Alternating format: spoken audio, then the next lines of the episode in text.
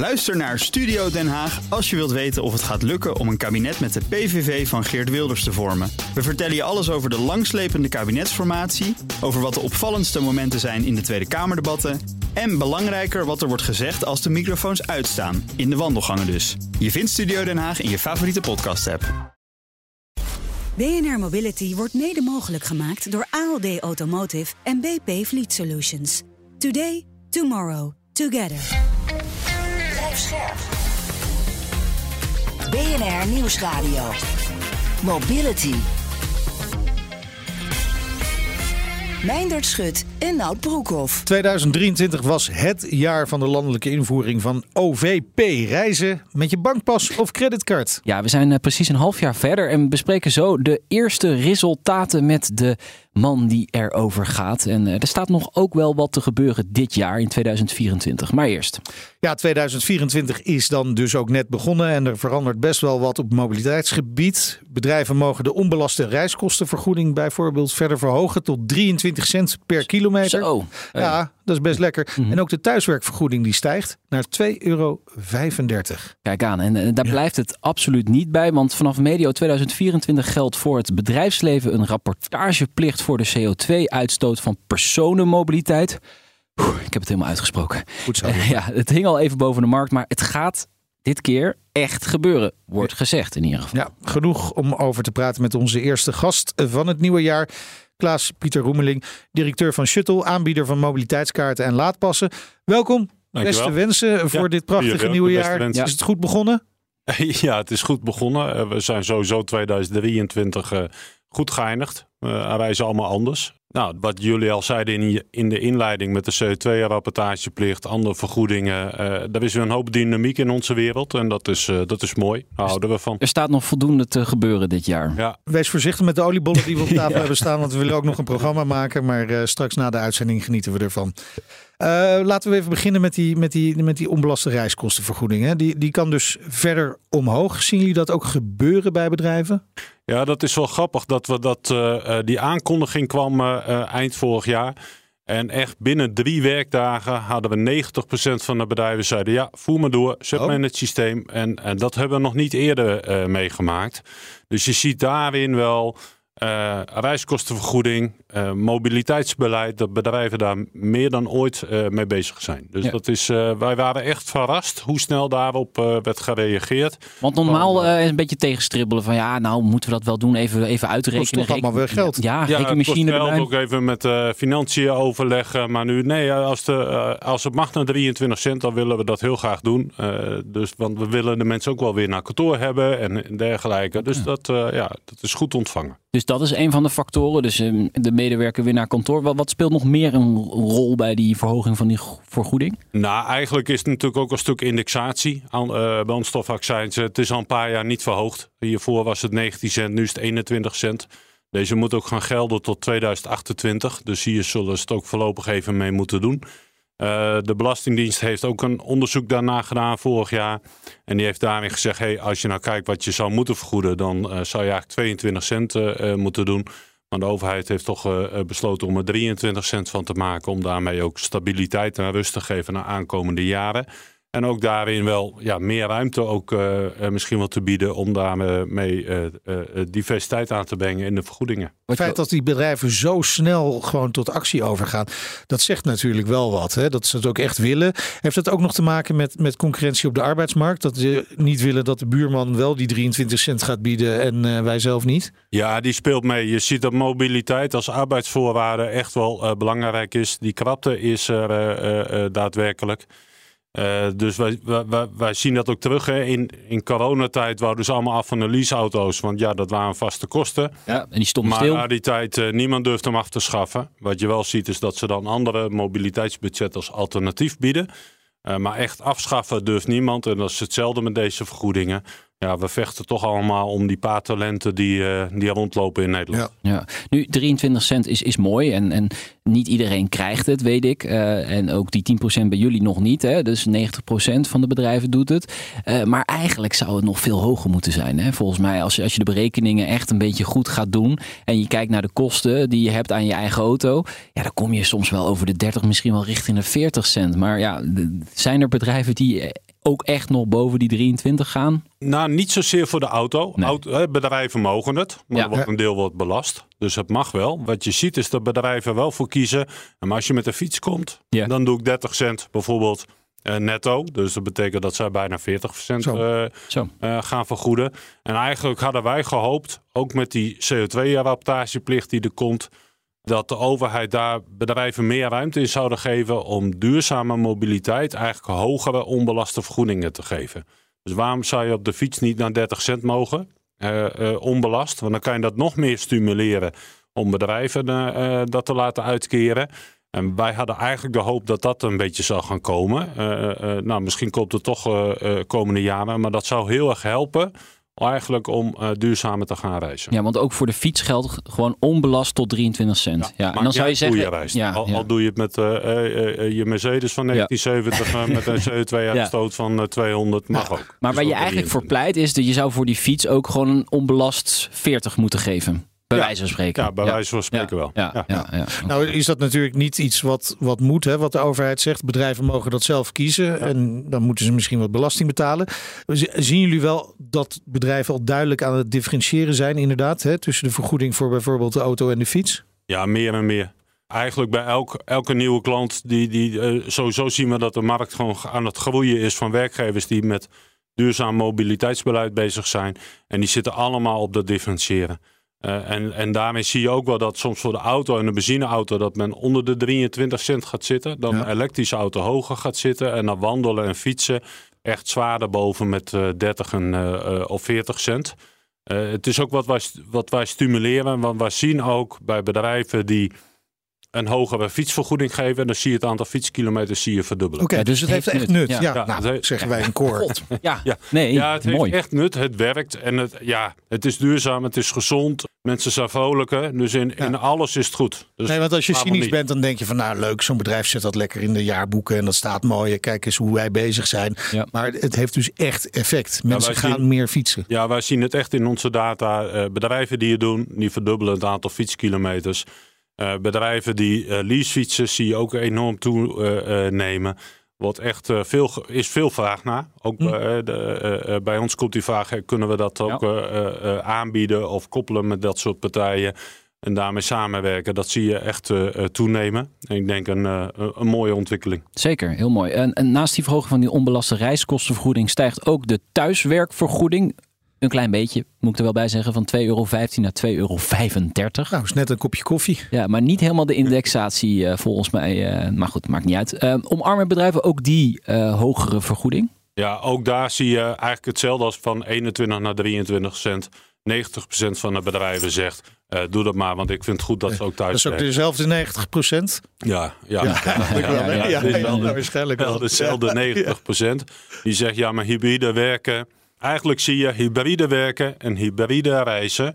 Dat is echt in 2023 eh, ingeburgerd. Ja. En dat is eigenlijk Ja. het nieuwe ja, werk, mobiliteitsbeleid wel bij bedrijven. Ja, maar je zegt net zelf ook van ja, die eh reiskostenvergoeding omhoog gegaan. Heel veel bedrijven willen weer dat we naar kantoor komen. Maar dan, dan in een dagje of 1 à 2 thuiswerken is daar dan nog wel bij ingeburgerd. Ja, en dat zie, dat zie je eigenlijk dat als eh, norm worden. Zeker als de mensen ook zakelijke afspraken eh, hebben, wordt dat eigenlijk gecombineerd met thuiswerken. Ja, En maar- dat, dat is ook prima om, om, om te doen. En dat zien we ook echt wel in onze reisdata. Zakelijke afspraken doe je eigenlijk niet meer vanaf kantoor. Nee. Dat doe je vanuit huis.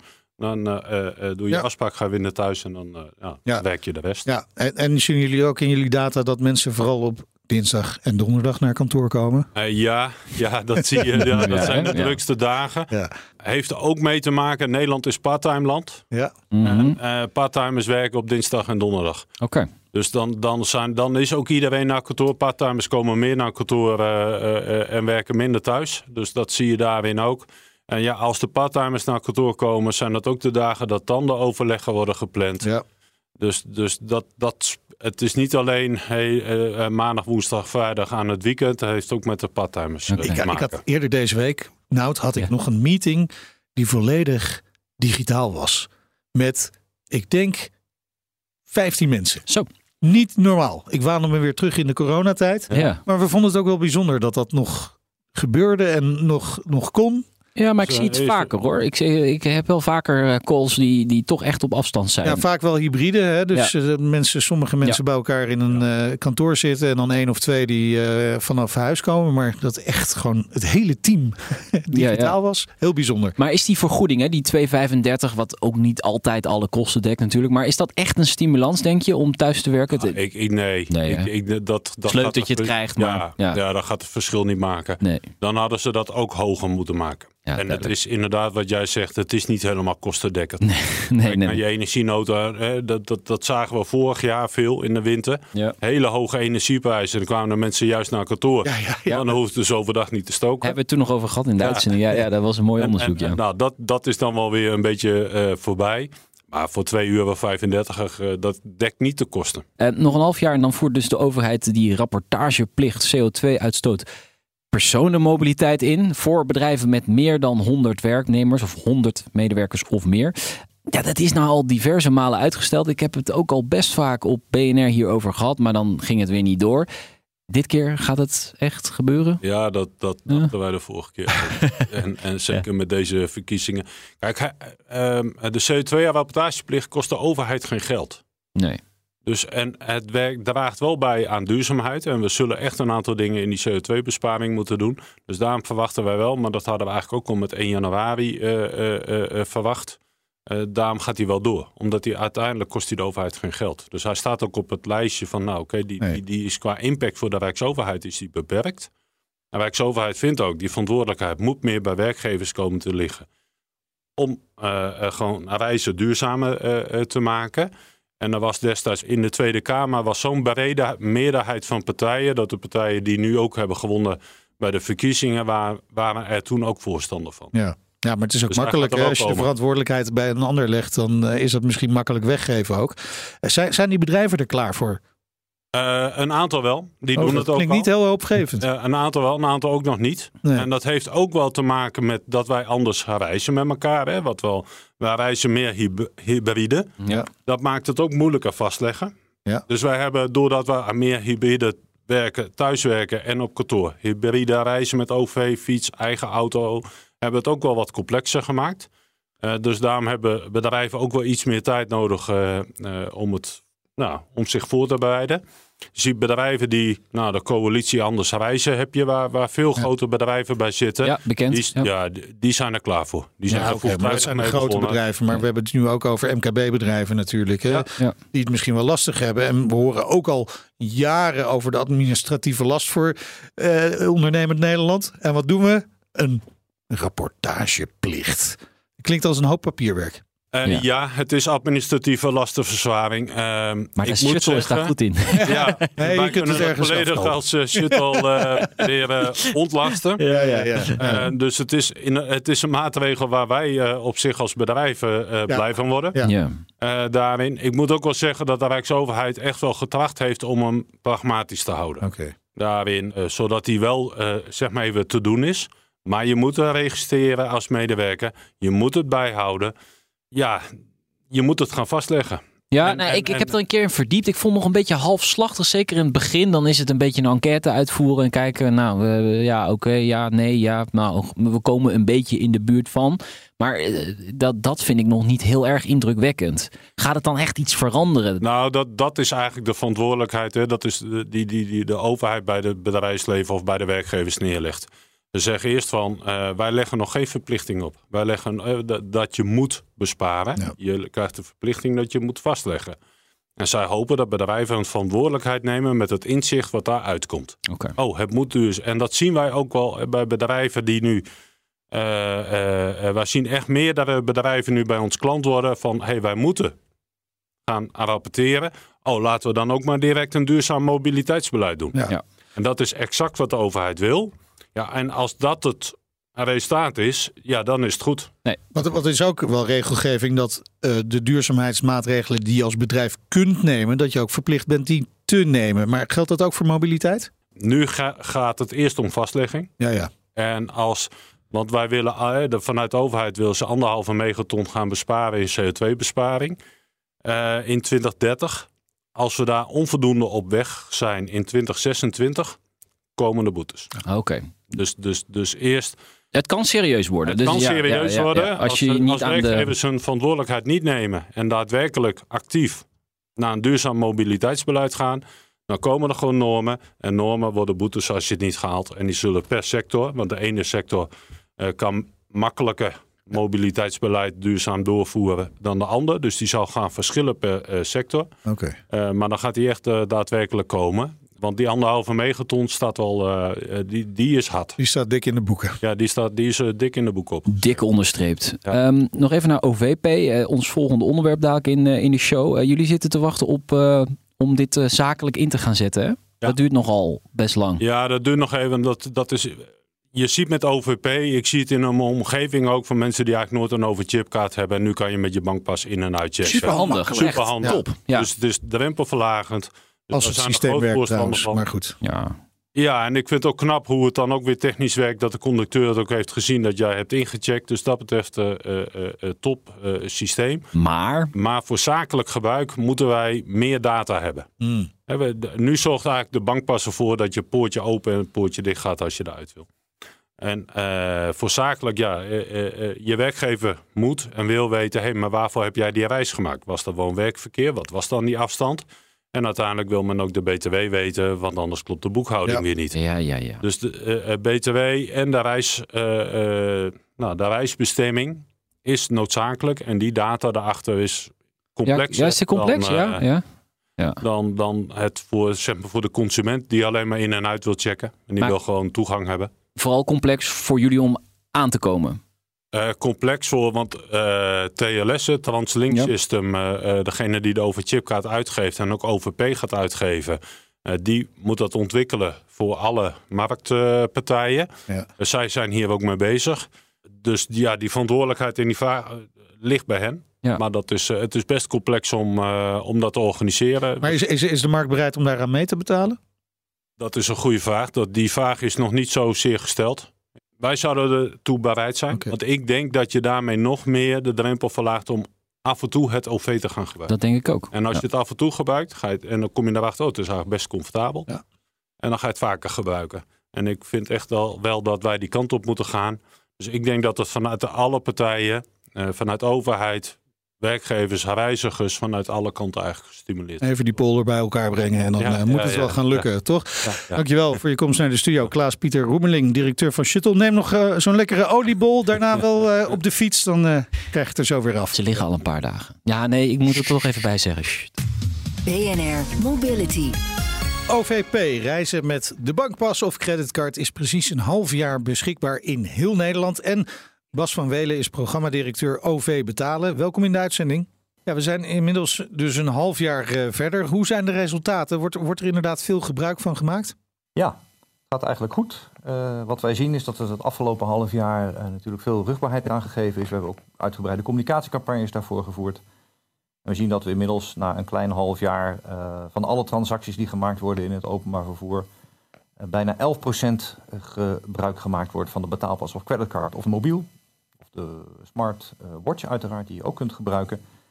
En dat is dan op het totaal van alle transacties. En als we iets specifieker kijken naar het aantal transacties dat gemaakt wordt voor mensen die alleen maar op saldo reizen, de basisproduct eigenlijk van de overchipkaart, dan zitten we daar bijna op de 30% inmiddels. Is dat beter of meer dan verwacht? Nou, dat is heel moeilijk om te zeggen, eh, heel eerlijk gezegd, omdat er geen referentie in de wereld is om te zeggen of dit goed of slecht is. Eh, want we zijn het eerste land ter wereld waarbij het landelijk mogelijk is geworden om op deze manier eh, te kunnen betalen voor het openbaar vervoer op een makkelijke en simpele manier. We hebben alleen referenties van grote steden in de wereld, waar dat al eerder gebeurd is natuurlijk, op onderdelen. En daar zien we langzamere percentages in de ervaring. Maar ja, dat, soms wordt dat veroorzaakt door de regionale context of de lokale context.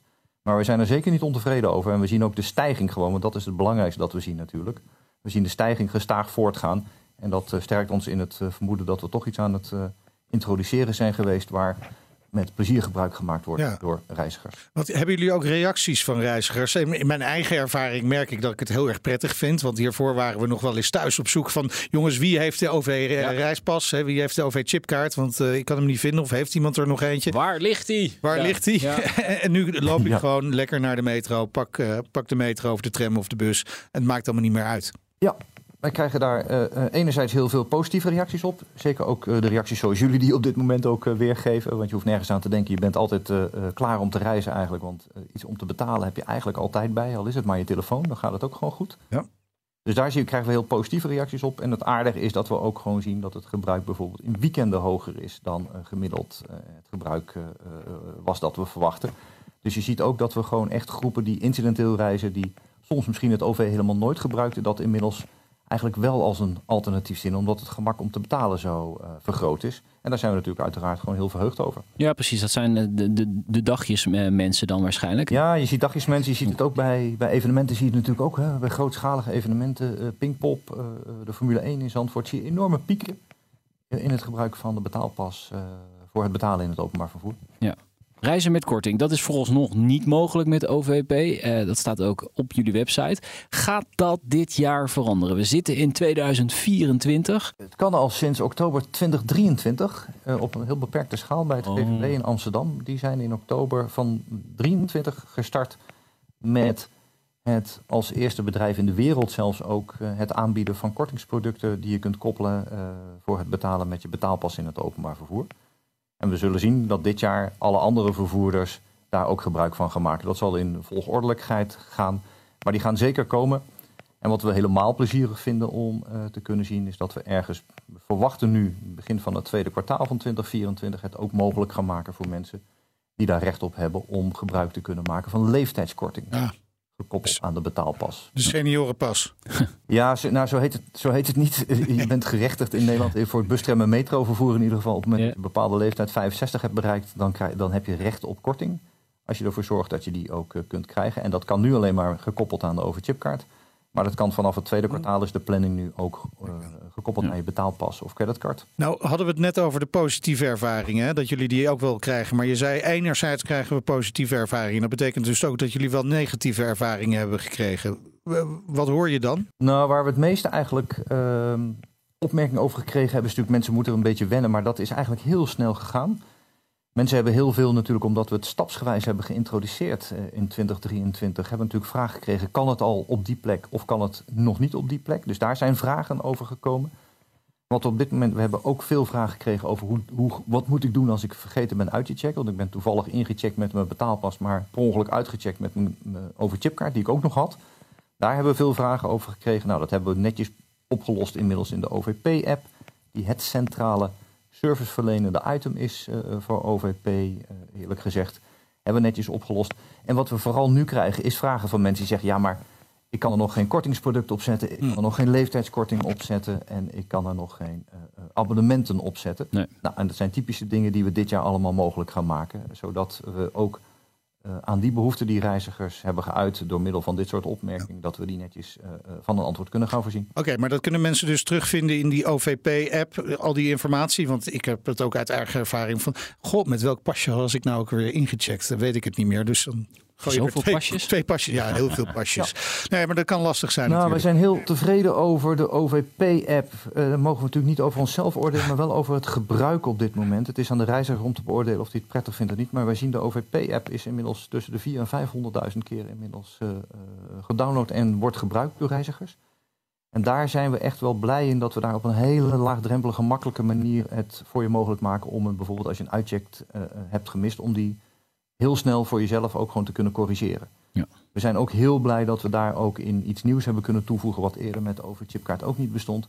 Is dat je een notificatie krijgt op het moment dat je in of uitgecheckt bent. Gewoon een push-notificatie in je telefoon, zodat je ook bevestigd wordt in datgene wat je gedaan hebt.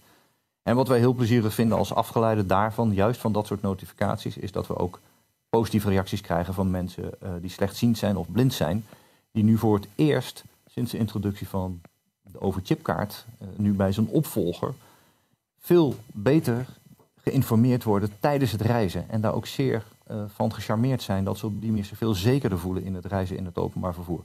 Nou, dat vinden wij een hele plezierige bewezen resultaat eigenlijk van de OVP-app. Dus, en daar gaan we ook mee voort. Die OVP-app zal ook nog verder uitgebreid worden met services waarbij het ook mogelijk gaat worden om meerdere passen aan die app uh, te koppelen. Je kunt nu maar één betaalpas uh, inzetten en niet meer. Nou, dat is soms onhandig, want je fysieke pas en je digitale pas, dat zijn er al twee. Nou, die wil je eigenlijk er allebei inzetten. Dus daar wordt hard aan gewerkt om dat binnenkort mogelijk te maken. En in het begin van dit jaar zullen we er ook voor zorgen dat je in staat wordt gesteld om via een ideal betaling, op het moment dat je een keer een betaling niet hebt kunnen doen, om die alsnog zelf te kunnen doen. Okay. Dat je daarna ook weer keurig netjes verder kunt gaan reizen. dat is mooi. wij spraken net shuttle, een mobiliteitsaanbieder met allerlei kaarten. En die, die vraagt wel om zakelijk gebruik van OVP. En ze vinden dat dat nogal wel een beetje te lang duurt. Ja, nou met de firma Shuttle en al hun collega's uh, moeten we zeggen, zijn we natuurlijk al heel langdurig, uh, net als met heel veel stakeholders, uh, in overleg om ze te informeren over wat we aan het doen zijn. Ze mee te nemen in de overwegingen die we maken om sommige dingen in de volgorde te doen zoals we die doen. En daar geldt het zakelijke reizen voor dat we dat verwachten in het laatste kwartaal van dit jaar aan te kunnen gaan bieden. Dat betekent dat kunnen we overigens niet op de betaalpas uh, aanbieden. Dat is ook de reden waarom het langer duurt, want daarvoor hebben we eerst de nieuwe OV-pas nodig. En we zijn goed, in goed conclave, eh, in goed overleg met uh, Shuttle en zijn collega partijen die op de zakelijke markt actief zijn, om ook hen in staat te stellen om op een ordentelijke en klantvriendelijke manier hun klanten netjes te kunnen blijven bedienen. Over die OV-pas gesproken, dus, dus die gaat er aankomen dan ook. Die moet dan ook richting eind dit jaar beschikbaar zijn zijn we nu aan het, uh, aan het plannen. We hebben daar de pilots mee gedaan het uh, najaar van 2023. Eh, en wij verwachten dat die in de loop van 2024 inderdaad gewoon beschikbaar gaat komen voor reizigers. Zowel de fysieke uitvoering als de digitale uitvoering dan. En die vervangt de OV-chipkaart? Uiteindelijk wel. We voegen hem eerst gewoon toe. De OV-chipkaart gaat niet weg vanaf dat moment. Uiteindelijk vervangt hij de OV-chipkaart. Omdat er ook geen reden meer is om dan de OV-chipkaart in de lucht te houden. Eh, maar daar hebben we dan nog wel even tijd eh, eh, voor. We verwachten dat dat moment bereikt wordt eind 2025. Dankjewel, Bas van Welen, programmadirecteur OV Betalen. De kop is eraf, Nout. Dit was de eerste BNR Mobility van 2024. Terugluisteren kan natuurlijk via onze website, via onze app. Doe dat zeker. Download die ook is ook heel erg handig. Of via een podcastplatform naar keuze kun je ook ons terugluisteren. Ja, en abonneer je dan gelijk even op onze podcast. Heb je nieuws of andere verhalen, dan mail je naar mobility.bnr.nl. Ik ben Meijnerd Schut. Ik ben Nout Broekhoff. Tot volgende week. Doei. BNR Mobility wordt mede mogelijk gemaakt door BP Fleet Solutions en ALD Automotive. ALD Automotive. Ready to move you. Ook Liesbeth Staats vind je in de BNR-app. Ja, heel handig. Luister live naar Kees en mij tijdens de Daily Move. Dan blijf je ook gelijk op de hoogte van breaking news en het laatste zakelijke nieuws. En daar vind je ook alle BNR-podcasts, waaronder de Perestrooikast. Download nu de gratis BNR-app en blijf scherp.